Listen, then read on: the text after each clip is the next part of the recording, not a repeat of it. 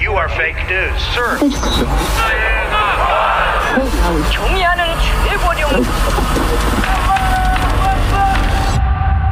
on kolmapäev, kahekümne kolmas september ja USA valimisteni on jäänud umbes kuus nädalat. mina olen Päevalehe ajakirjanik Kaarel Kressa ja olen Delfi stuudiosse palunud USA poliitika asjatundja Liisa Pasti, et ta aitaks meile kuulajatega selgitada, missugused tehnilised küsimused nende valimistega seoses on. tere, Liisa! tere! Äh, küsiks siis seda, et äh, eelmine aasta oli valimisjärgsel hommikul kõik ilusti selge, et selleks ajaks, kui me tööle tulime, oli juba võitja välja kuulutatud ja kaotaja oli kaotust tunnistanud. Aga seekord on juba üsna tõenäoline, et neljanda novembri hommikul meil seda selgust ei ole. miks siis seekord niimoodi, et kas see on kõik pandeemiaga seotud või siin on mingeid põhjuseid veel? Äh, kaks põhjust on, milledest üks tõesti on pandeemia võimendatud, ütleme siis nii. Äh, ilmselt tähendab oht rahva tervisele seda, et suurem osa valijaid eelistab posti teel hääletada, sellest, mida Trump on teinud sellest kõigest inimeste võõrandamiseks, ilmselt räägime veel täna. ja posti teel tulnud häälte lugemine võib äh, võtta aega Äh, on, postiteenistus on öelnud, et selleks, et kolmanda novembri valimistel äh, saaksid need hääled loetud, tuleks panna sedel posti hiljemalt nädal varem, aga kui need ümbrikud saabuvad, siis nende avamine, nende lugemine, see kõik võib võtta aega. ja lisaks sellele ei pruugi olla kõik kõik valimiste jaoks veel kohale tulnud, kui postitempel on õigeaegselt peal, siis tuleb need hääled hiljem lugeda ja näiteks äh, vahevalimistel kaks aastat tagasi Arizona osariigis juhtuski see, et äh, siis senaator äh, John McCainist vabaks jäänud senati koha, kohale osu-, arvati esialgu, et osutus valituks republikaan hiljem postidel saabunud häältega see tulemus äh, muutus. et see on üks, et see posti teel tulevad hääled ei pruugi, võtavad rohkem aega, et lugeda ja võivad äh, saabuda ka õige postitempliga veel pärast valimisi.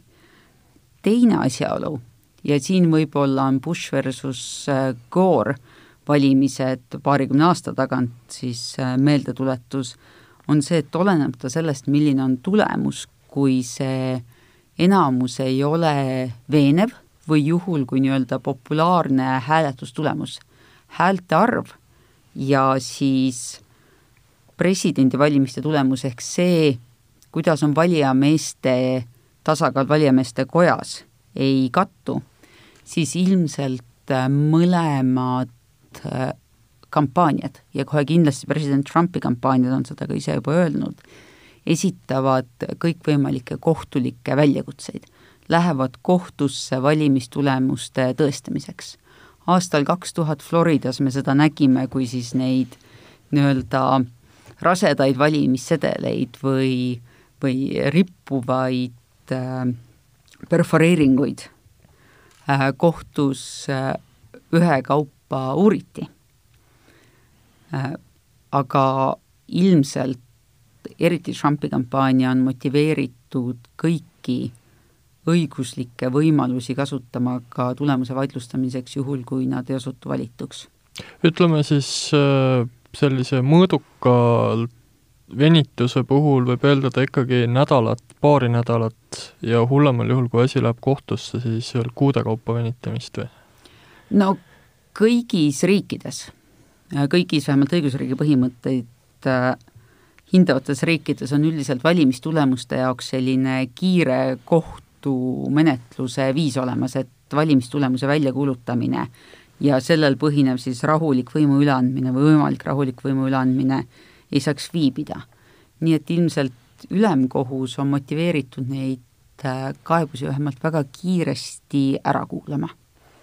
Teoreetiliselt, mis juhtuks, kui jaanuaris ei ole veel uut presidenti teada? kui kahekümnenda jaanuari keskpäevaks, see on siis see kuupäev, kui võim üle läheb, ei ole teada, kes on uus äh, president, siis põhiseaduse alusel läheks võim üle siis esindajate koja spiikerile, kes on president Trumpi kõvahelne kriitik, väga kogenud äh, poliitik, demokraat Nancy Pelosi äh,. ta on üks nendest, keda võib-olla aasta eest mäletate, Trump kõige tugevamalt ründas äh, kongressi liikmetest seal poliitilistel läbirääkimistel läksid suhted väga teravaks ja üksteise kohti, kohta öeldi kõikvõimalikke sõnu, mis sunnib mind arvama, et see on üks nendest asjadest, mida Trumpi kampaania ilmselgelt ei taha. see tähendab mõningast segadust, see on uus ja ootamatu olukord, aga põhiseaduse kohaselt on jah, see spiiker Pelosi, kes siis saaks äh, riigipeaks. kuna on aasta kaks tuhat kakskümmend, võib rääkida mustadest stsenaariumitest, mille mainimine ei oleks enne olnud poliitiliselt korrektne, aga nüüd on igati asjakohane, kuna mõlemad parteid äh, räägivad täiesti kõva häälega, et nad usuvad, et teine pool võib äh, valimistel sohki teha. minu meelest minu eluajal vist sellist olukorda ei olegi varem olnud. et mida arvata esiteks äh, Donald Trumpi väitest, kes juba eelmistel valimistel ütles, et tegelikult umbes miljon häält anti tema vastu ebaausalt ja nüüd äh, räägib, et see võib samamoodi juhtuda just nende kirja teel tulevate sedelite kaudu? valimiste puhul on jällegi pettuste uurimiseks kõigis riikides, kõigis õigusriigi põhimõtteid austavates riikides olemas äh, siis viisid neid uurida äh,. Ameerikas selleks, et saada aru, kas valimistulemus on nii-öelda verifitseeritav, kas ta ilmselt on tõene või ilmselt on õige. Ja, ja seega ka noh, saab selle fikseerida on valimisjärgsed auditid, mis tähendab seda, et äh, kui Eestis loetakse üle kõik hääled teist korda järgmisel päeval, ka e-hääled loetakse üle teist korda krüptograafiliselt miksituna esmaspäeval pärast valimisi, siis Ameerikas, kus on väga suur, palju suurem rahva hulk ja väga palju keerulisemad valimissedelid, kordades keerulisemad, teinekord lehekülge, lehekülge pikad Äh, loetakse üle valim äh, häältest ja siis võrreldakse, kas see valim, kas ta on siis juhuvalim või mõne konkreetse koha valim ja lõpptulemus on tõenäoliselt äh, üksteist toetavad. Ja samuti kaebusi uuritakse. Pettust, tõestatud pettuste osakaal siis posti teel valimise puhul on null koma null null null kuus protsenti mälu järgi, selles suurusjärgus igal juhul, mitmed äh, komakohad pärast nulli äh,. Donald Trump viimastel nädalatel, kui sa oled tähele pannud, on oma kriitika postidel valimise osas ka oluliselt maha keeranud. tema esialgne kalkulatsioon tundus olevat, et ennekõike demokraadid, tema vastaskandidaadi Joe Bideni äh, toetajad hääletavad posti teel aga arvestades seda, et äh, koroonaviiruse riskigrupp on pigem äh, siis vabariiklaste, Donald Trumpi valija, on ta ilmselt aru saanud, et tema kriitika jätaks ka tema valijad nii-öelda koju, jätaks nad valimistest eemale ja on oma kriitikat oluliselt, oluliselt äh, tagasi tõmmanud just selleks, et ta ei võõrandaks oma postidel valijaid. uuringud sealjuures äh, näitavad, et äh, posti teel valija on suhteliselt tavapärane valija. ehk et hääletamisviis ei mõjuta oluliselt eelistusi või eelistused ei mõjuta oluliselt hääletusviisi. See muide on ka Eestis hästi tehtud äh, poliitsotsioloogia, mis ütleb, et e-hääletaja on keskmine hääletaja ja, ja e-hääletamine on selline demokraatlik hääletusviis nagu iga teine.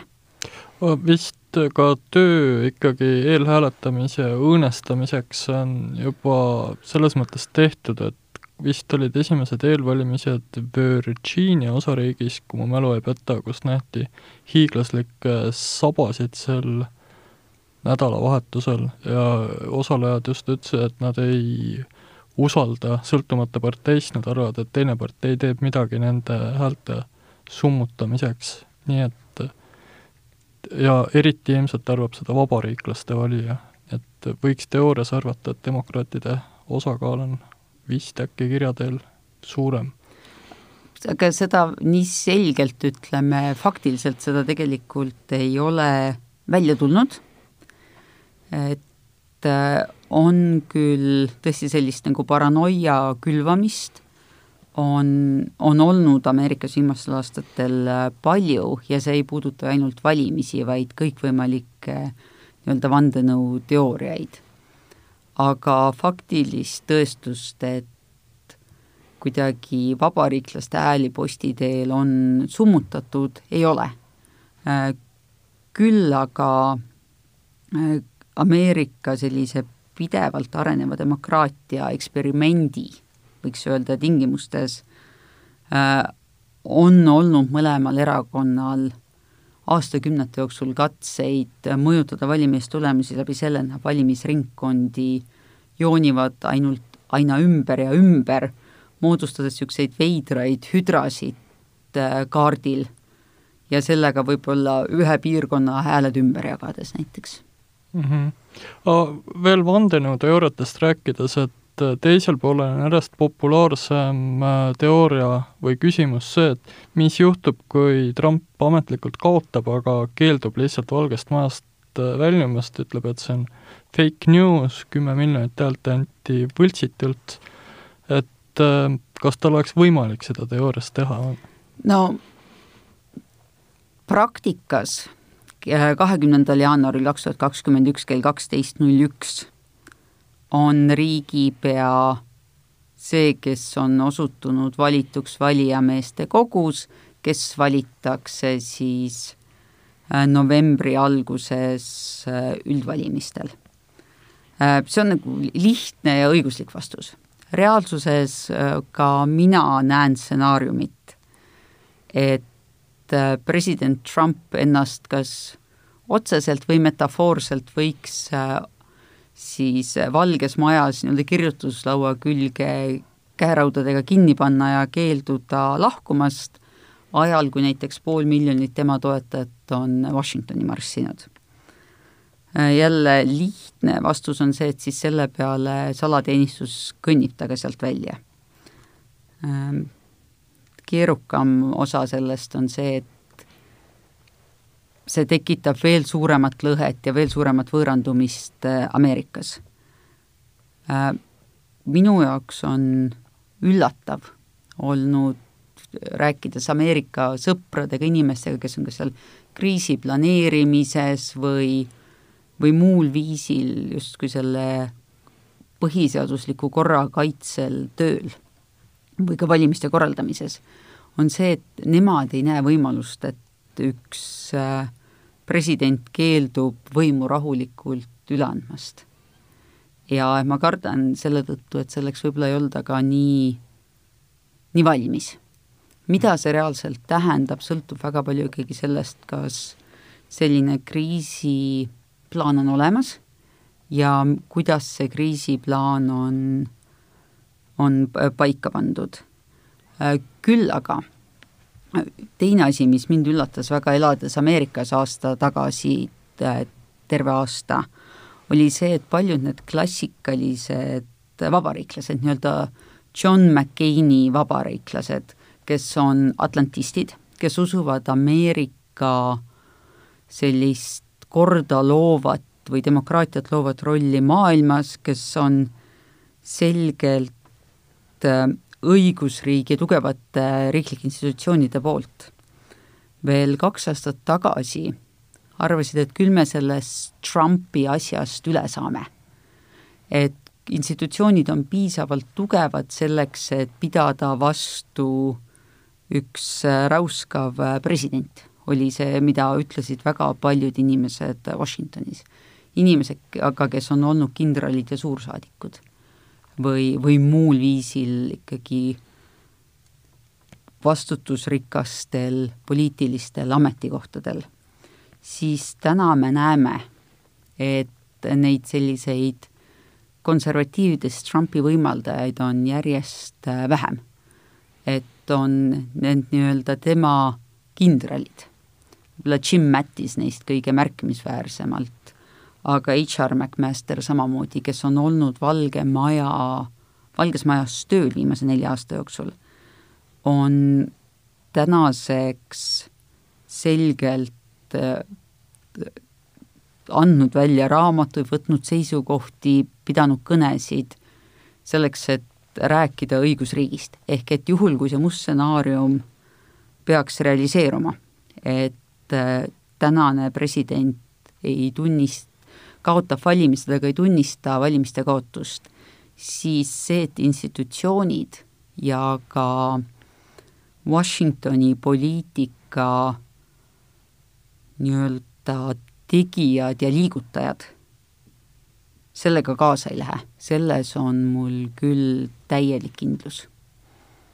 no saame näha, kas kaitseriivid peavad, aga äh, kaitseriivid peavad pidama ka veel teiste ohtude vastu, sealhulgas palju räägitud võimalus äh, välisriikide, olgu siis Venemaa või ka näiteks Hiina või Iraani äh, mõjutustegevusest, desinformatsioonist ja võib-olla ka häkkimisest kui tõsiseks seda probleemi tuleb pidada? väga tõsiseks.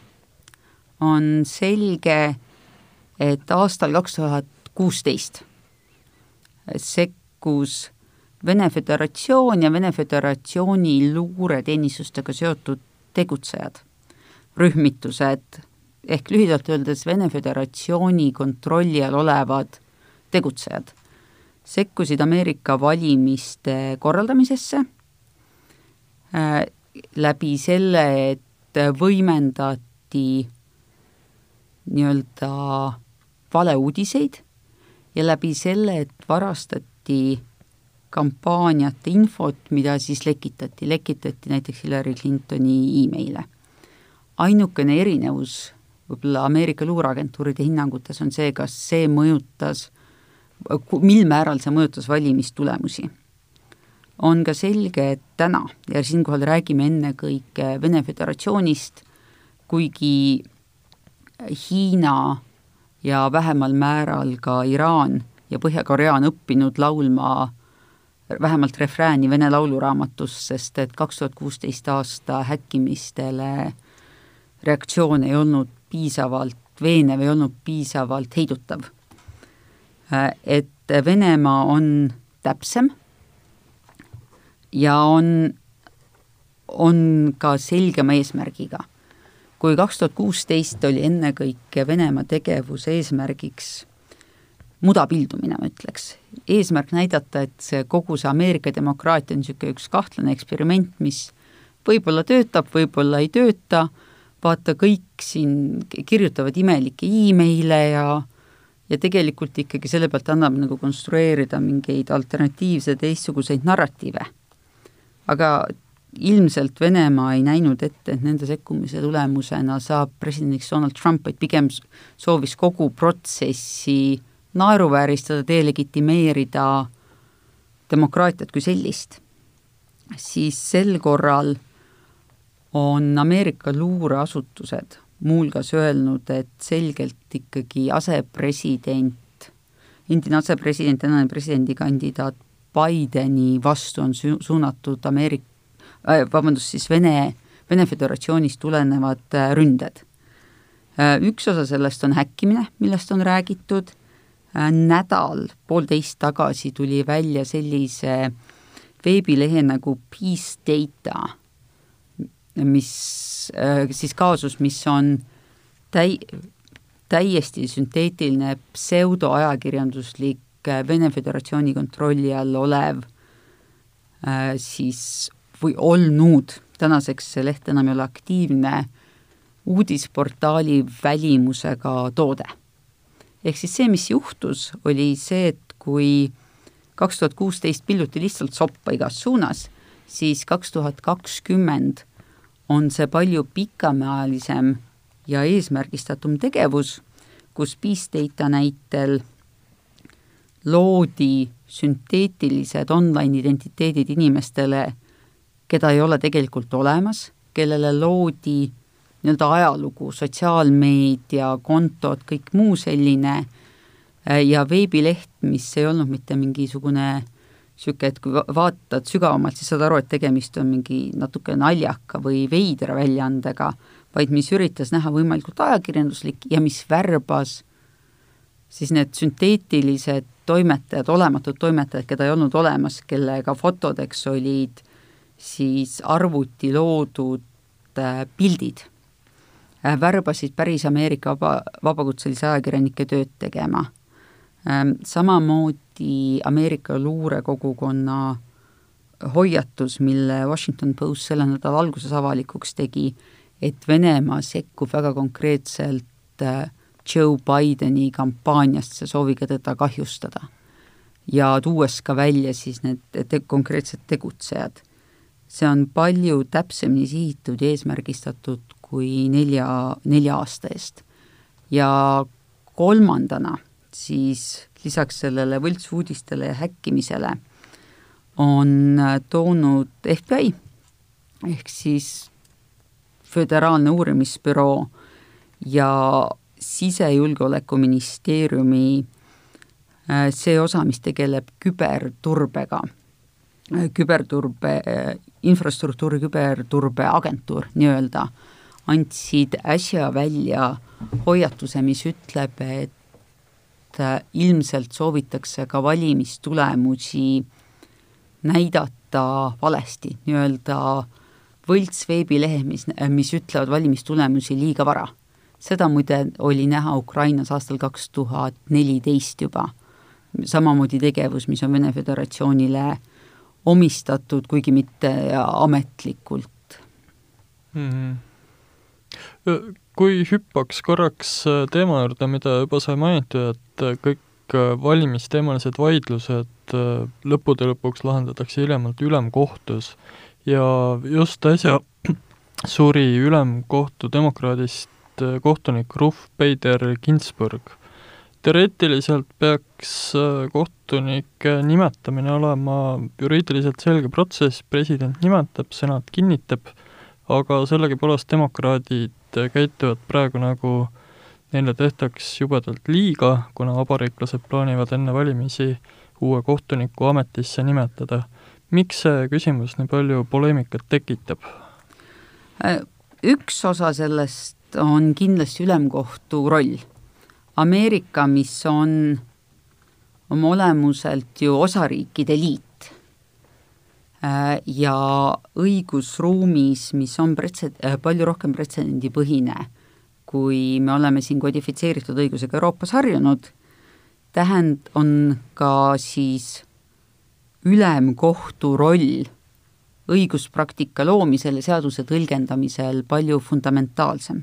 teiseks on ülemkohtu kohtunikud eluaegsed, ehk äh, see, kui täna näiteks keegi, kes on neljakümnendates eluaastates, sinna määratakse, siis tema oma teadmiste, arvamuste, tõlgenduste ja ideoloogiaga võib mõjutada kohtuotsuseid neli või viis kümnendit. ja kolmandaks sellepärast, et kui president Obama üritas nimetada kohtunik Merrick Garlandi ülemkohtusse veidi vähem kui aasta enne valimisi, siis konservatiivid seisid selle vastu, öeldes, et Ameerika traditsioon on see, et me ei, ei nimeta kohtunikke valimiste aastal, me ei nimeta kohtunik, et see peaks ole, see, seda peaks saama teha siis ametisse astuv president. Ruth Bader Ginsburg oli, kriitikud ütleks aktivist kohtunik, kindlasti kohtunik, kes seisis võrdsete võimaluste eest, võrdsete ligipääsu eest, äh, olenemata soost, rassist või, või muust sellisest. enne kohtunikuks saamist nii professorina kui Ameerika siis Kodanikuõiguste Liidu õigusnõunikuna on ta mitmeid ikoonilisi ja väga-väga suure mõjuga kohtuasju ülemkohtu ette ise viinud, alates sellest, kas, kui seadus näeb ette, et tütrele määratakse haige ema hooldamise eest hüvitist, sellepärast et on mõeldamatu, et mees jääb koju haiget hooldama, siis äh, kas see on diskrimineeriv seadus ja see peaks ütlema hooldaja, noh, või laps või järeltulija või pereliige hooldaja, kuni selleni, kas Sõjaväeakadeemia peab võtma vai-, vastu naisi nii et Ruth Bader Ginsburgi pärand on olnud nii tohutult suur, ta on, ma usun, et selline kaheksakümnendates eluaastades saanud popstaar kohtunikuks, kohtunikuks, kellest on tehtud filme, kelle kuulsad heegeldatud pitskraed on, on muutunud peaaegu nagu moe, moeaksessuaariks. ja kes samamoodi tema selgelt välja öeldud äh, soov surivoodil, äh, surre, surres vähki eelmisel nädalal, oli see, et uue ülemkohtu kohtuniku nimetaks järgmine president, sest kodanikuõiguste, tervisekaitse, osariikide õiguse, föderaal versus osariikide võimu Äh, tõlgendamisel ja ka relvaõiguse tõlgendamisel on ülemkohtul väga-väga suur roll. demokraadid ei saa tegelikult ilmselt vabariiklasi takistada, kui nüüd vabariiklased senaatorid ei hakka üle jooksma ja nüüd paistab, et ei hakka, sest isegi Mitt Romney on lubanud Trumpi kandidaadi poolt hääletada. aga nad saavad kätte maksta, loobudes omakorda varasematest džentelmenlikest kokkulepetest. ja nad saavad ka venitada seadusandlikku protsessi. sisuliselt eh, jah, ilmselt on eh, vabariiklastel hääled koos selleks, et kinnitada oma ülemkohtu kohtunik praeguse seisuga. ehk siis seisuga enne presidendivalimisi, potentsiaalselt enne ametisse astumist suure tõenäosusega on see Amy Coney Barrett äh, selle nädala lõpus, äh, võib-olla juba selleks hetkeks, kui see podcast avalikuks tehakse, on Trump lubanud öelda välja, kes ta kandidaat on, kõik tema viimase ringi tõsiseltvõetavad kandidaadid on föderalistid, on väga konservatiivsed ja on, on naised. see kõik vastab tõele ka kohtunik Barretti puhul. isegi võiks teoretiseerida, et kas Trump ei mängi ühte oma trumpkaarti natuke liiga vara välja, sest paljude vabariiklaste valijate jaoks on just oluline saada parempoolsed äh, ülemkohtunikud, number üks praegu ongi konservatiividel viis äh, kolm enamus ja teiseks miks, kui nüüd nimetatakse see kohtunik ära, siis võib ju vabariiklasest valija südamerahuga jätta hääletamata, sest üks tema mina usun, et see läheb täpselt teistpidi, et ja siin on, loomulikult on suur eeldus see, et selle lõppkinnitamiseni jõutakse. kaks aastat tagasi kohtunik Kavanaugh kuulamised oli, keda siis muuhulgas on äh, tudengina vägistamises süüdistatud äh, olid äh, pikad ja, ja, ja väga rasked. ka tema on noor, ka tema on konservatiivne, noor kohtuniku mõttes siis äh, ja ülemkohtu kohtuniku mõttes ähm,.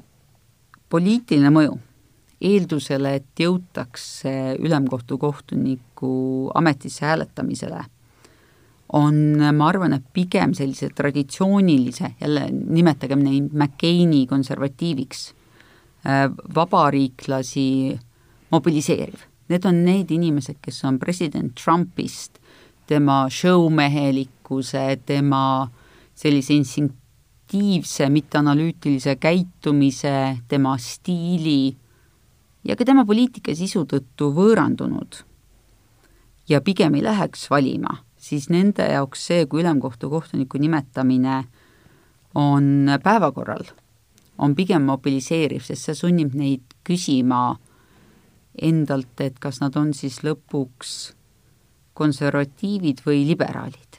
mis on see maailmavaade, mis on see ideoloogia, mis on nende jaoks oluline ja see ülemkohtu kohtuniku nimetamine kristalliseerib just nimelt need sellised klassikalised maailmavaate ideoloogia küsimused, mis on jäänud selle showmehelikkuse või, või tõsielu televisiooni ja, ja säutsumise juures tagaplaanile kui ma jõuan sult veel küsida, et nende valimiste põhinarratiiv on muidugi see, et Trump versus Biden või veel enam lihtsalt Trump versus mitte Trump, aga milliseid äh, vaidlusi ja duelle sa ise veel huviga jälgid? Ma saan aru, et sa oled äh, Arizonas elanud hiljuti mõnda aega, et oled sa seal silma peal hoidnud? Äh, veidi ikka. Ja et lisaks Arizonale on ju äh, nendel valimistel tundub, et Georgia, Iowa, võib-olla Ohio, Põhja-Carolina ja Florida, need osariigid, kus, mis on justkui kahe vahel, mis võivad minna ühtepidi või teistpidi, paljuski kattuvad osariikidega, mis usuti, et valivad Hillary Clintoni, aga valisid Donald Trumpi. ja nende kõigi puhul on küsimus tööhõives see muuseas on eriti, isegi kui Trump võidab kõik need juba nimetatud osariigid, siis ta peab võitma veel ühe. et, et olla veenev valijameeste kogus ja siis ta ilmselt võidab, järgmine tõenäosem oleks Pennsylvania. Klassikaliselt Uus-Inglismaa valib pigem demokraate, pigem liberaale siis, kuid arvestades seda, et Pennsylvanias on suhteliselt suur proportsioon nii-öelda valgenahalist töölisklassi. ehk siis ilma kõrghariduseta valgenahalisi inimesi, kes on varem töötanud rasketööstuses, eriti kaevanduses, siis Trump selle sellise rohelisele ilmavaatele vastu olemisega loodab ka Pennsylvania võtta, et noh, toome söötööstuse ja terasetööstuse tagasi, on midagi, mida ta on rääkinud nüüdseks viis aastat. et ma kindlasti jälgin neid osariike Äh, minu jaoks on väga oluline see, kui palju tegeletakse sellise tänaste suurte väljakutsete lahendamisega. rahva tervis, sellega seos, seoses kindlasti ka tervisekindlustus. Ameerika on ainukene arenenud lääneriik, kus ei ole universaalset ja või riiklikku tervisekindlustust, vaid kus tervisekindlustus on eraturul, mille tõttu kümnendikul elanikest, vähemalt kümnendikul elanikest ei olegi tervisekindlustust. ei ole võimalust minna arsti juurde ka suures hädas ilma väga suure isikliku hinnata. Äh, et ja, ja siis sellest pandeemiast tulnud erakordne, samuti kord poole sajandi jooksul majanduslangus. et need küsimused mis on täna väga teravad ja mõjutavad iga Ameerika inimese elu, ka nende, kellel on töö, kellel on hea tervisekindlustus ja kellel on võimalus isoleeruda sellest äh, pandeemia, pandeemiast räsitud äh, üldisest rahvastikust, versus siis need suured ideoloogilised lõhestavad küsimused Ameerika poliitikas äh, nagu abort, ennekõike abordi puhul see, kas see võiks ja peaks olema kindlustusest või riiklikust äh, fondist toetatud ja kõikvõimalik institutsionaliseeritud solidaarsus. ennekõike siis ka seesama tervisekindlustus ja haridus. et kas tegeletakse nende klassikaliste ideoloogiliste küsimustega või tegeletakse nende küsimustega, mis tegelikult äh, täna paljudel Ameerika valijatel on hinge kinni tõmbamas. Ja siis on veel mittetraditsioonilised ideoloogilised küsimused, näiteks vandenõuteooria QAnoni jüngrid, kes on oma paarkümmend kandidaati saanud tänavustele valimistele. ja kellega Donald Trump väga selgelt on äh, flirtinud. jaa. et äh, noh, QAnon ma, ma ei kujuta ette, kas me kahe peale suudame seda maailma kuulajale kuidagi selgeks rääkida, aga on terve konspiratsiooniteooriatega kaasnev võrgustik, kes usuvad, et kõike kontrollitakse kuskilt äh, mujalt ja tuleb sellele süvariiklikule kontrollile vastu astuda. ja praktilise järelmina nad on näidanud, et nad on valmis ka relvaga oma vaateid või paranoiasid kaitsma.